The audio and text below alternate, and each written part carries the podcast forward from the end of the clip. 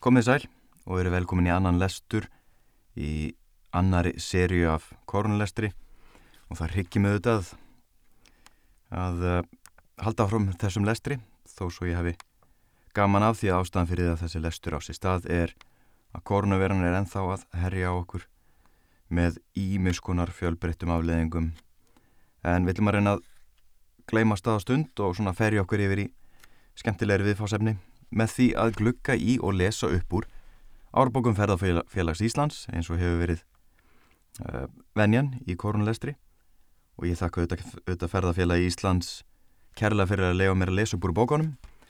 Og hugmyndin er eins og ávalt að uh, fræða gagn og gaman af þessum fjársjós hýrslum fróðleiks um ólíksvæði landsins.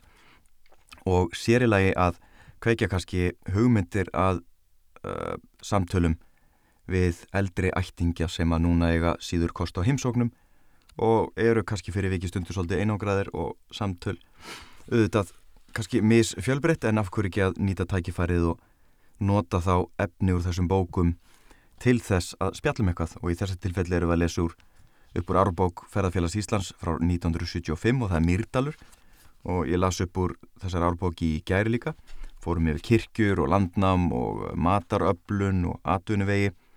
Og það var náttúrulega landbúnar á þessum tíma. En Myrdalurinn hefur örgla farið ég er kannski einna verst af svona svæðum sem að byggja afkomi sína mestu leita á ferðarþjónustunni þannig að þetta er svona kannski baráttu kveðja til Myrdalinga nú með því að lesa allána tvísar upp úr þessari árbók. Og ég hoppaði nokkra blaðsjur áfram og er komin hérna á þriðja kabla og það er ágrip af jarðfræði Mýrdals. Jarðfræði. Ég er að lesa hérna kvöldi til. Búin að vera í vinnunni á Hrafnestu í dag og búin að lesa smá í uh, hljóðbækur. Ég les hljóðbækur þannig að ég er búin að lesa slatta í dag. Og ef það verða eiga sérstað mistök í lestri þá er ég ekkert að klippa neitt. Við erum að hafa þetta svolítið bara frjálst og flæðandi þannig að eh, nema ég sé stað meiri átt að mistök þá leifi þessu bara svona að flakka. Þannig að lítið um klippingar. Ætlum að reyna að láta þetta ganga bara svona nokkuð snöðrulöst og ætlum aðeins að grýpa hérna niður í jarfræði Myrdals og það er myndun og útlitt og enn og aftur ég bendu þetta öllum á að að eh, miðla kannski þessum lesturum til leðsögumanna þetta eru eins og ég segi fjársjóskistur og við treystum því bara auðvitað að hlutinni fara aftur í réttan farveg og ferðarþjónustan fara aftur í gang af stað og leðsögum menn hafi nýtt þennan tíma til að fræðast enn meira um landið. Ég veit að margir eru búin að nýta takkifærið og ferðast sjálfur og vonandi þá líka lesa eitthvað og bæta við svona þekkingar bankan fyrir tilvonandi ferðamenn framtíðarinnar. En við byrjum á myndun og útlitt Berggrunnur Mýrdalsins mun verað mestu hlaðin upp á næst síðasta jökulskeiði. Hinnar kvarteru Ísaldar og hlýviðraskeiði og undan síðasta jökulskeiðinu. Þar að segja sá berggrunnur sem nú er sjáhanlegur.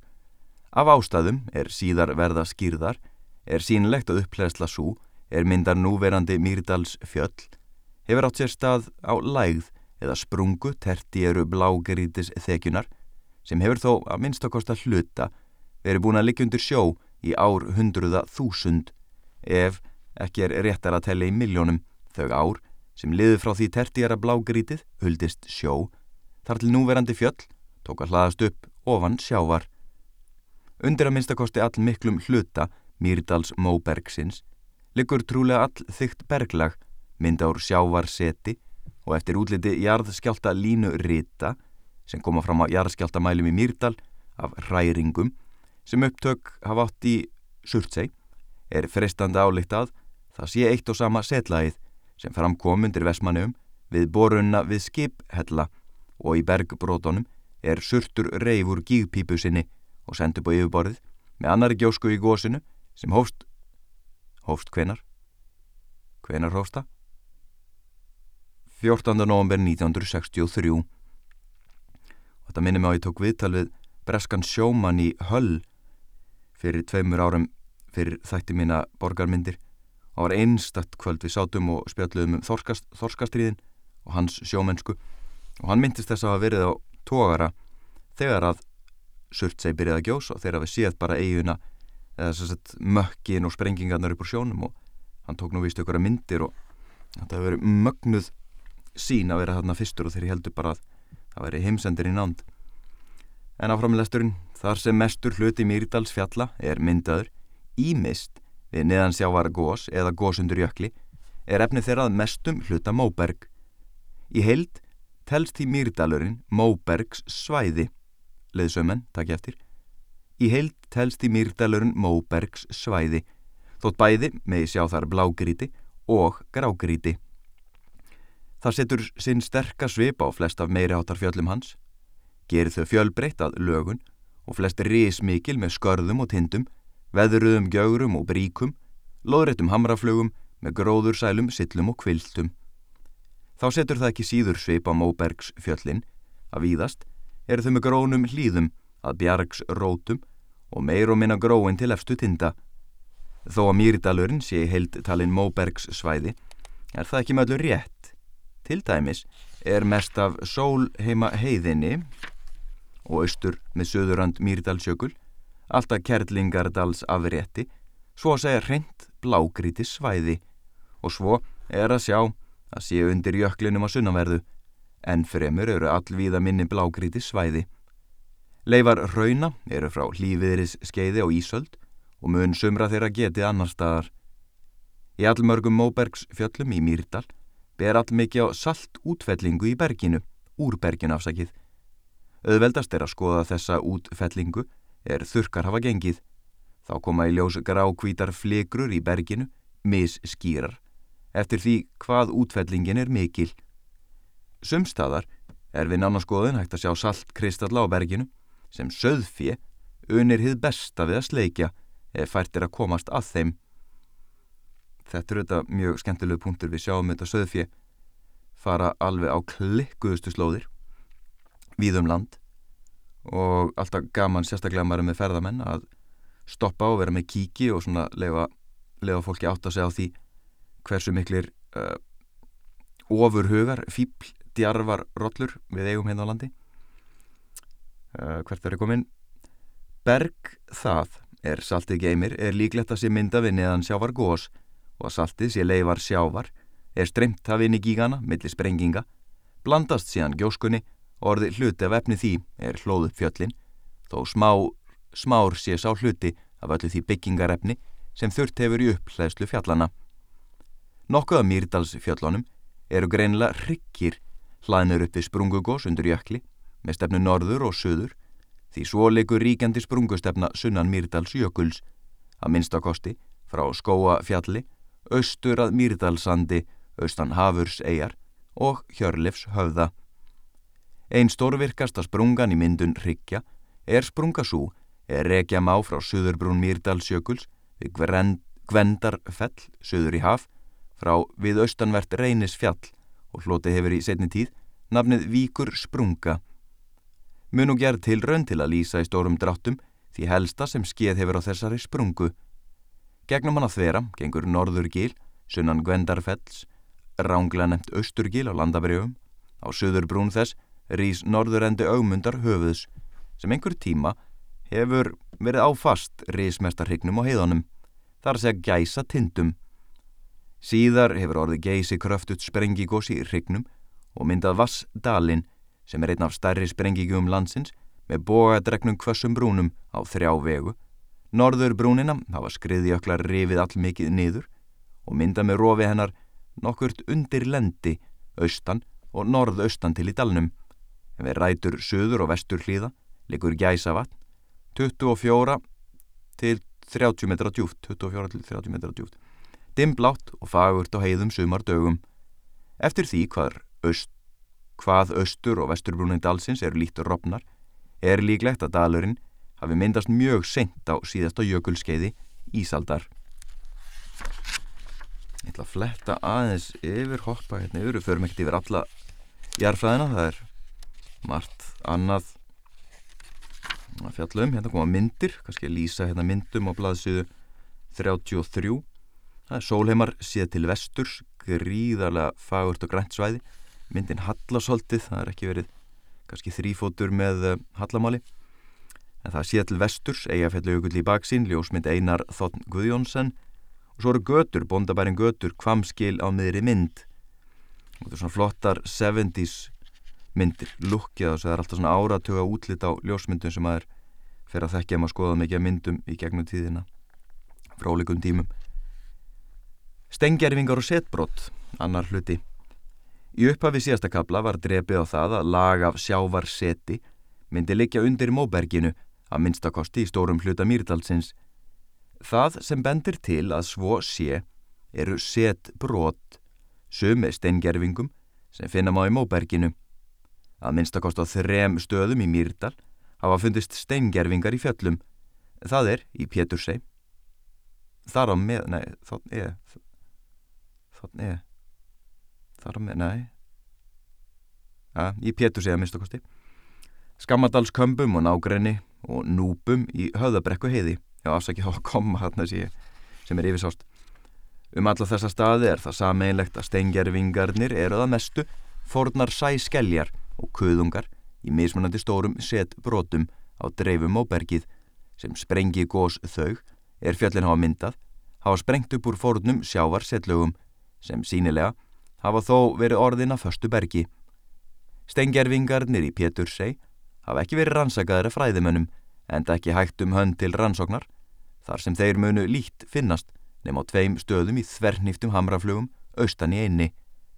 Skammadals svæðið hefur verið, verið all vel rannsakað og hafa þar fundist um 15 tegundur, tegundir af samlokum. Lamellibrankia Nýju tegundir sæsnigla, gastropóta, tvær tegundir armfætlinga, brachiopóta, tveir til þrýr tegundir orma.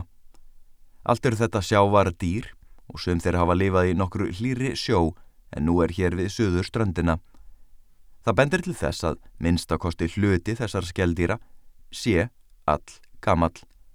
Í nokkrum setbrótum á skammadalsvæðinu hafa fundist örf á blaðför sem lít út fyrir að vera blöð af bjöllu lingi, Vaccinium SP og víðir Salix SP. Í núpum hafa fundist munfæri tegundir, ekki örutt um nema sjö samlokur og einn kuðung. Skemmtilegt nafn, samlokur. Og hérna smá svona sjátátt sá vísindamadur sem best hefur ansakað þessa steingerfinga var Jóhannes Áskelsson, jarfræðingur, og vísast til rittgerðar eftir hann sem kom út 1960. Fossiliferus Senoliths in the Moberg Formation of South Iceland Akta Natt Ísl 2-3 Flettaðis upp Enn fremur tværi greinar í náttúr, náttúrfræðingnum eftir Einar H. Einarsson Forn skelljar í Móbergi, höfðabrekku heiði 1962 blasið 35-45 og stengjerfingar í Skammadalskömpum 1968 blasið 93-104 Jæja, við hoppum og skoppum hérna yfir jarfæðina aðeins meira. Svo er þetta kalla, ég reyka auðvunni köllu hérna. Svona til. Fáu er á að byggja um hvenar kalla hefur fyrst gósið eftir landnám og spilt landni í Mýrdal. Þó er það hald ímsra að þar sem kristnisaga segir frá heststapa þangbrands í jörð niður sem jaka kvarfi sand eftir jökulhupa ræða og muni það hefði fyrsta köllugós eftir landnám. Samkvæmt ösku lögum í Mýrdal verður ekki sannað að kalla við gósið nema tvísvar frá landnámi og fram á miðja 13. öld, en ekki er þar með útilokað að hún hafi gósið oftar, þó ekki finnist leifar þessi í jarðvegi. Til dæmis finnst ekki öskulag frá gósinu 1860 fyrir vestan Kerlingardals á. Ekki er í rituðum heimildum getuðum verulegar skemdir á landi í Myrdal fyrir í gósinu 1660. Sangat frásögn sér að Jóns Salomonssonar eitist á mikið af landi höðabrekku og hlaupið brauð kirkuna og mest af bæjar húsunum en þá stóð bærin er á sléttu en var eftir þetta fluttur upp á fjallið þar sem hann stóð fram á síðast áratug. Er ekki talað um, hann hérna, ah, hvað heitir hann aftur? sá mikli merkilegi sjálfmentaði fræðimæður sem bjó uh, á hjörlusöða sem hlýtur þá að vera uh, sem er þá auðvitað uh, sami bær, höðabrekka nefnituna er ég að ruggla saman hérna allan að bjóða á hérna, hjörlushöða hann, hann gáði bókina Rítum jarðelda stórfenglegt, ég held hún að heiti það. Stórfenglega sama, samantekt á rítum heimildum um köllugós bara frá upphafi. Herru, við erum komin en aðeins framar og við ætlum að lesa fjórðakabla, ekið austur Mýrdal, bæjar röð byrjum á því Fáar sveitir hafa upp aðrar eins andstæður og fjölbreytnið að bjóða á Mýrdalur.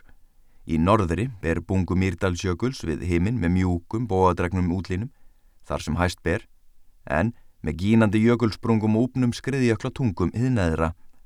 Til söðurs, niðar allanshafið við sendnaströnd, blátt og glampand á heiðum, kyrrum sömardögum en grátt og illt í sunnan rumbum, með markfaldan drinjandi brimskapl við fjörur og skínandi gnæfandi löðurstrókum upp eftir bjargvekkjum, dýrhóla eigjar og reynisfjalls sem standa, sem standa tröstum fótum í hafi úti sem, sem útverðir sunnlenskra fjalla. Eins og segja ákvaða að vera ekkert að klippa allt og mikið þannig að þið bara, við lefum þess aðeins að flæða með mistökum. Ef þetta verið hljóðbókalestur þá myndi þetta vera óaðfinnanlegt og klift og leiðrétt.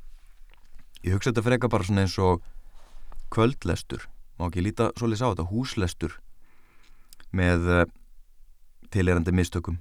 Eina sem að vantar er að horfa svona í auguna okkur geta litið yfir yfir baðstofuna og lagt áherslu og haft svona smá meiri tilfinningu í þessu. Ég reynir mitt besta. Einn inn í stúdiói meðfram jöklinum likur svipmikil heiðar svi, svi, þegar ég tala um mistökin þá komaði hver að fætur hvert að fætur öðru. Meðfram jöklunum likur svip mikill heiðarfláki sem tegir sér misjaflega langt söður í byggðina.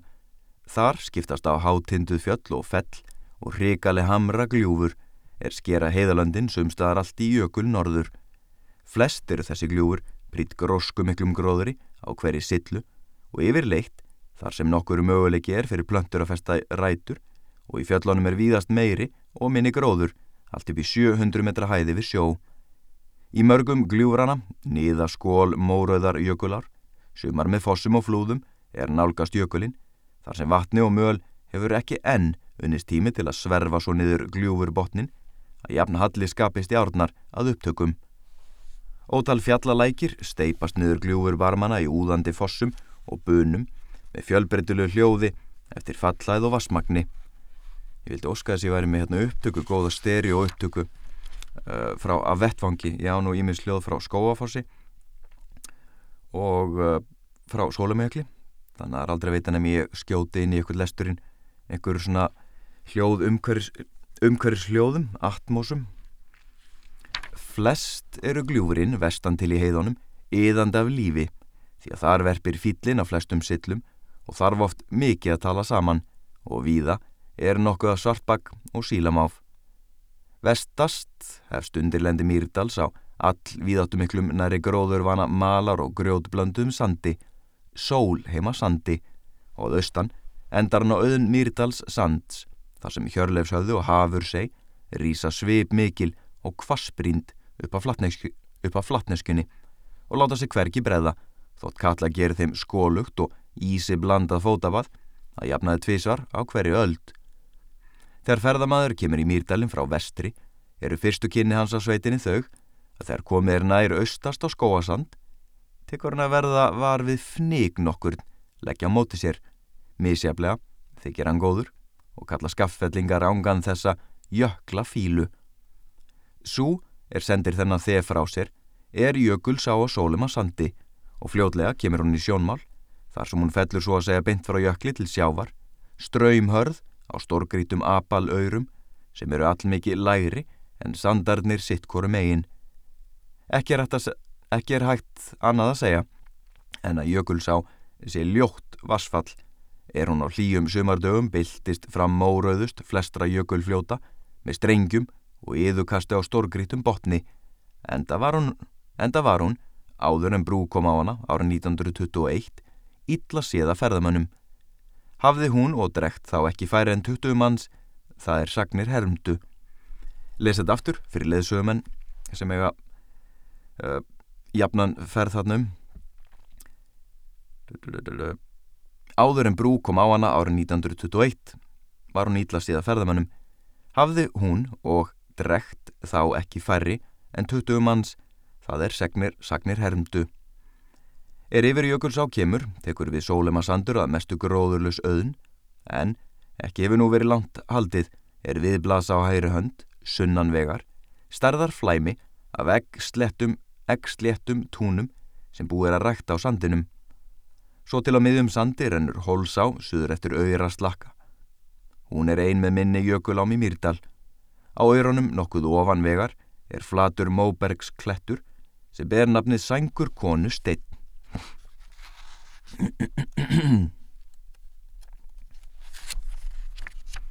Svo indislega skemmtileg hérna mynd frá Sólumögli, ljósmynd eftir Þorstein Áskersson.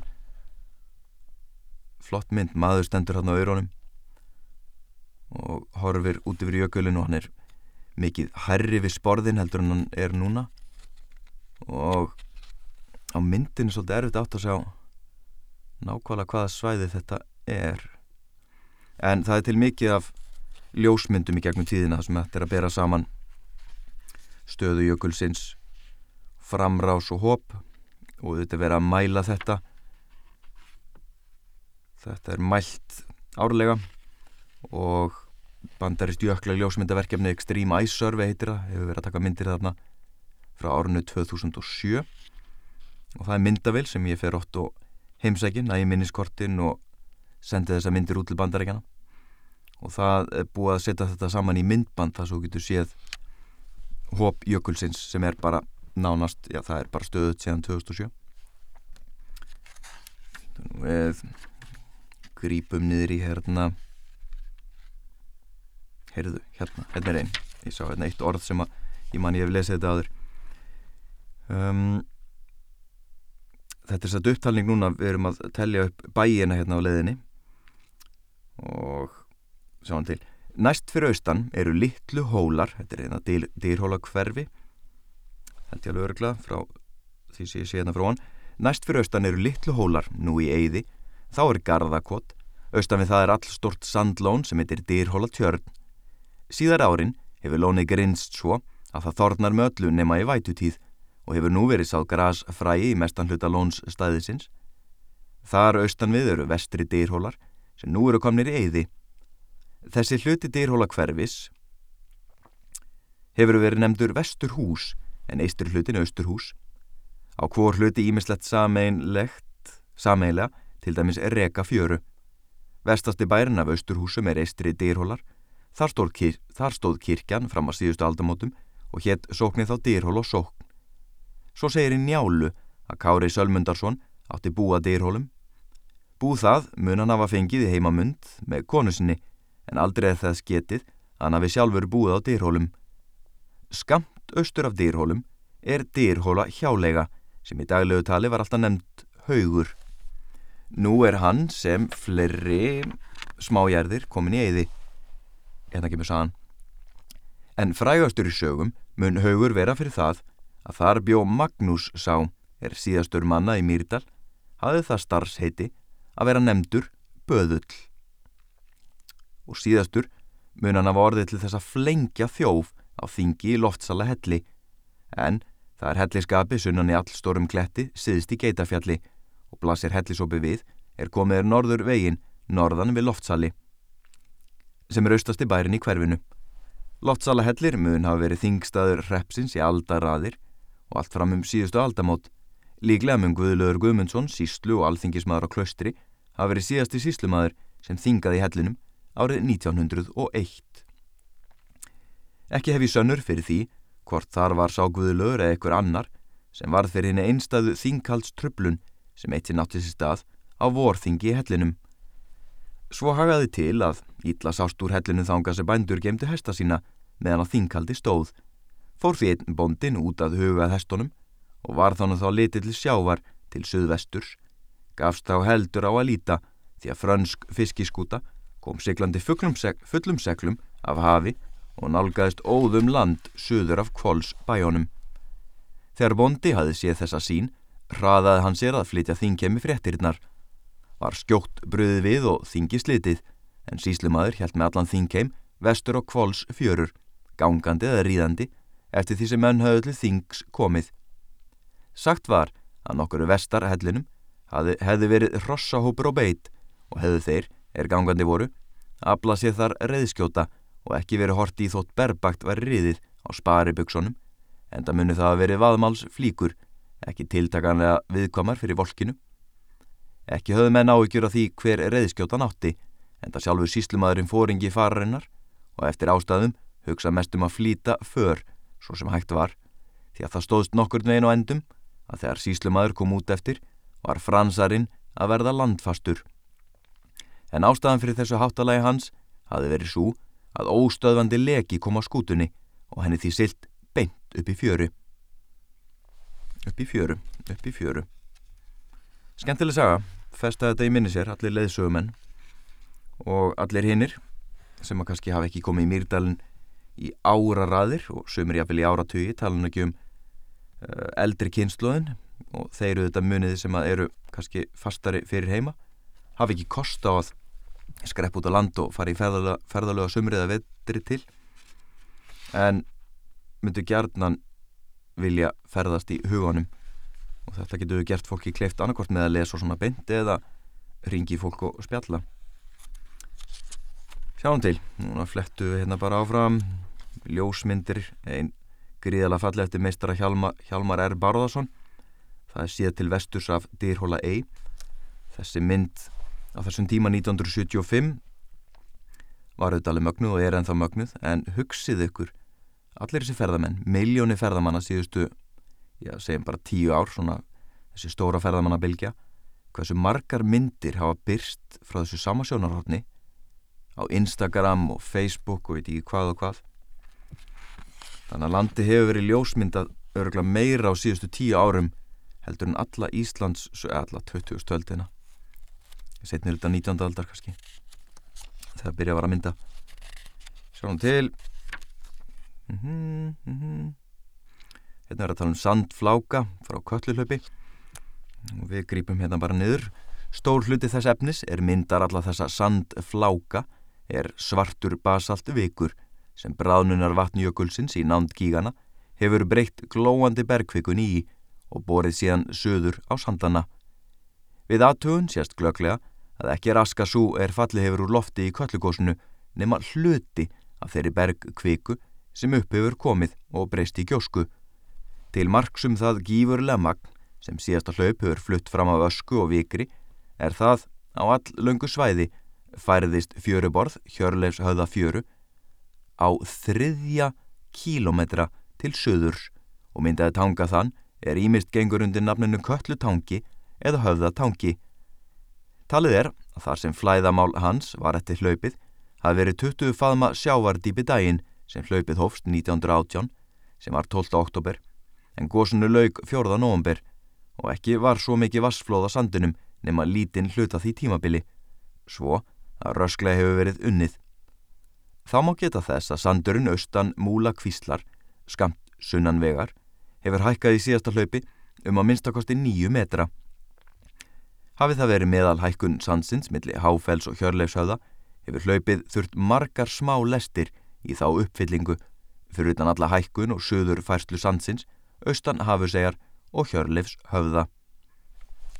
Næsta köllugós. Það er margt óttast, hugsið ykkur öll þessi eldfjöll við um land og ógnin sem stæðar að jökulhlaupum en svo núna er náttúrulega þessi förðulega ógn í COVID sem að kannski hefur á mörguleiti ég ætla ekki að segja kannski meiri efnaðslega áhrif en og þó tæmir sandan, engi túristar engi er að gerst á hótelum allt lokað þetta ósynlega fyrirbæri. Við skulum ekki detta ykkur allt og djúpar og þungar hugleðingar um COVID. Hérna er verið að lýsa leiðina sólheimajökli. Þetta eru axturs leiðir utan alfara vegar sem er nú fyndið því að leiðina sólheimajökli er núna malbygguð og gríðalegu fjöldi ferðamanna fer náttúrulega þarna fór þarna daglega, miklu minna, já, nánast ekkit núna. leiðsunnan Pétursegjar til dýrhólæjar skemmtilegt orðalag hérna til dýrhólæjar ef farið er í skemmti ferðum Mýrdalinn er dýrhólægi sá staður sem sjálfsagast er að skoða svo framt að dýrhóla ós gerir mönnum ekki þann ógreiða að vera með stípla útfall svo í honum hækki að leiran sem bílaslóðina inni likur yfir leggist undir vatn svo að hún verði ófær bílum Slíkt skeður þú ekki ofta sumri til því að þá hafa bændur mjög takmarkaðan áhuga á að líða ósnum að lóna upp á engjölund sín sem að honum likja. Því er vennilega fljótlega grafið skarð í sandrif það er lokar útfallinu. Ósinn mókaður út er gamla mýrdalska málvennan um þann verknað. Málvenjan. Áður var það manns höndin með skoplu eða rekuða vopni sem það verk vann en nú hafa vélarnar komið þar til verka eins og víðast annar staðar. Leiðin á dyrhóla, likur um dyrhóla hverfis veg allt austur fyrir loftsali, en er þanga kemur, þrítur upp lefti vegurinn og við tekur slóð á slettum leirum, ágætt axtusleið öllum bílum, ef ósin er ekki uppi. Þó getur eins drifs bílum, gengi ítla að hafa sig áfram, ef langt er farið söður með inni að vestan. Hér líst því skoðun að verðast á inni, vitin,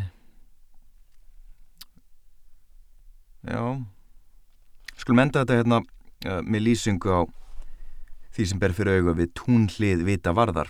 Þegar staðnæmst hefur verið, norðan við túnhlið vita varðar, verður mörgum fyrst að ganga norður á næstu hæð og munu fáir sjá eftir þeim spórum því að margt skoðanavert ber fyrir augu þaðan. Ef litið er nýður fyrir sig, vestur af brúninni, blasi við svo leif af hraun gígnum sem brot hafsins hefur skilið eftir með gígtapan Hildar Dráng sem útvörð vestan við gígleifina. Á brún eigunar sér vel yfir hvar hraun elvan hefur runnið austur af austurbrún gígsins.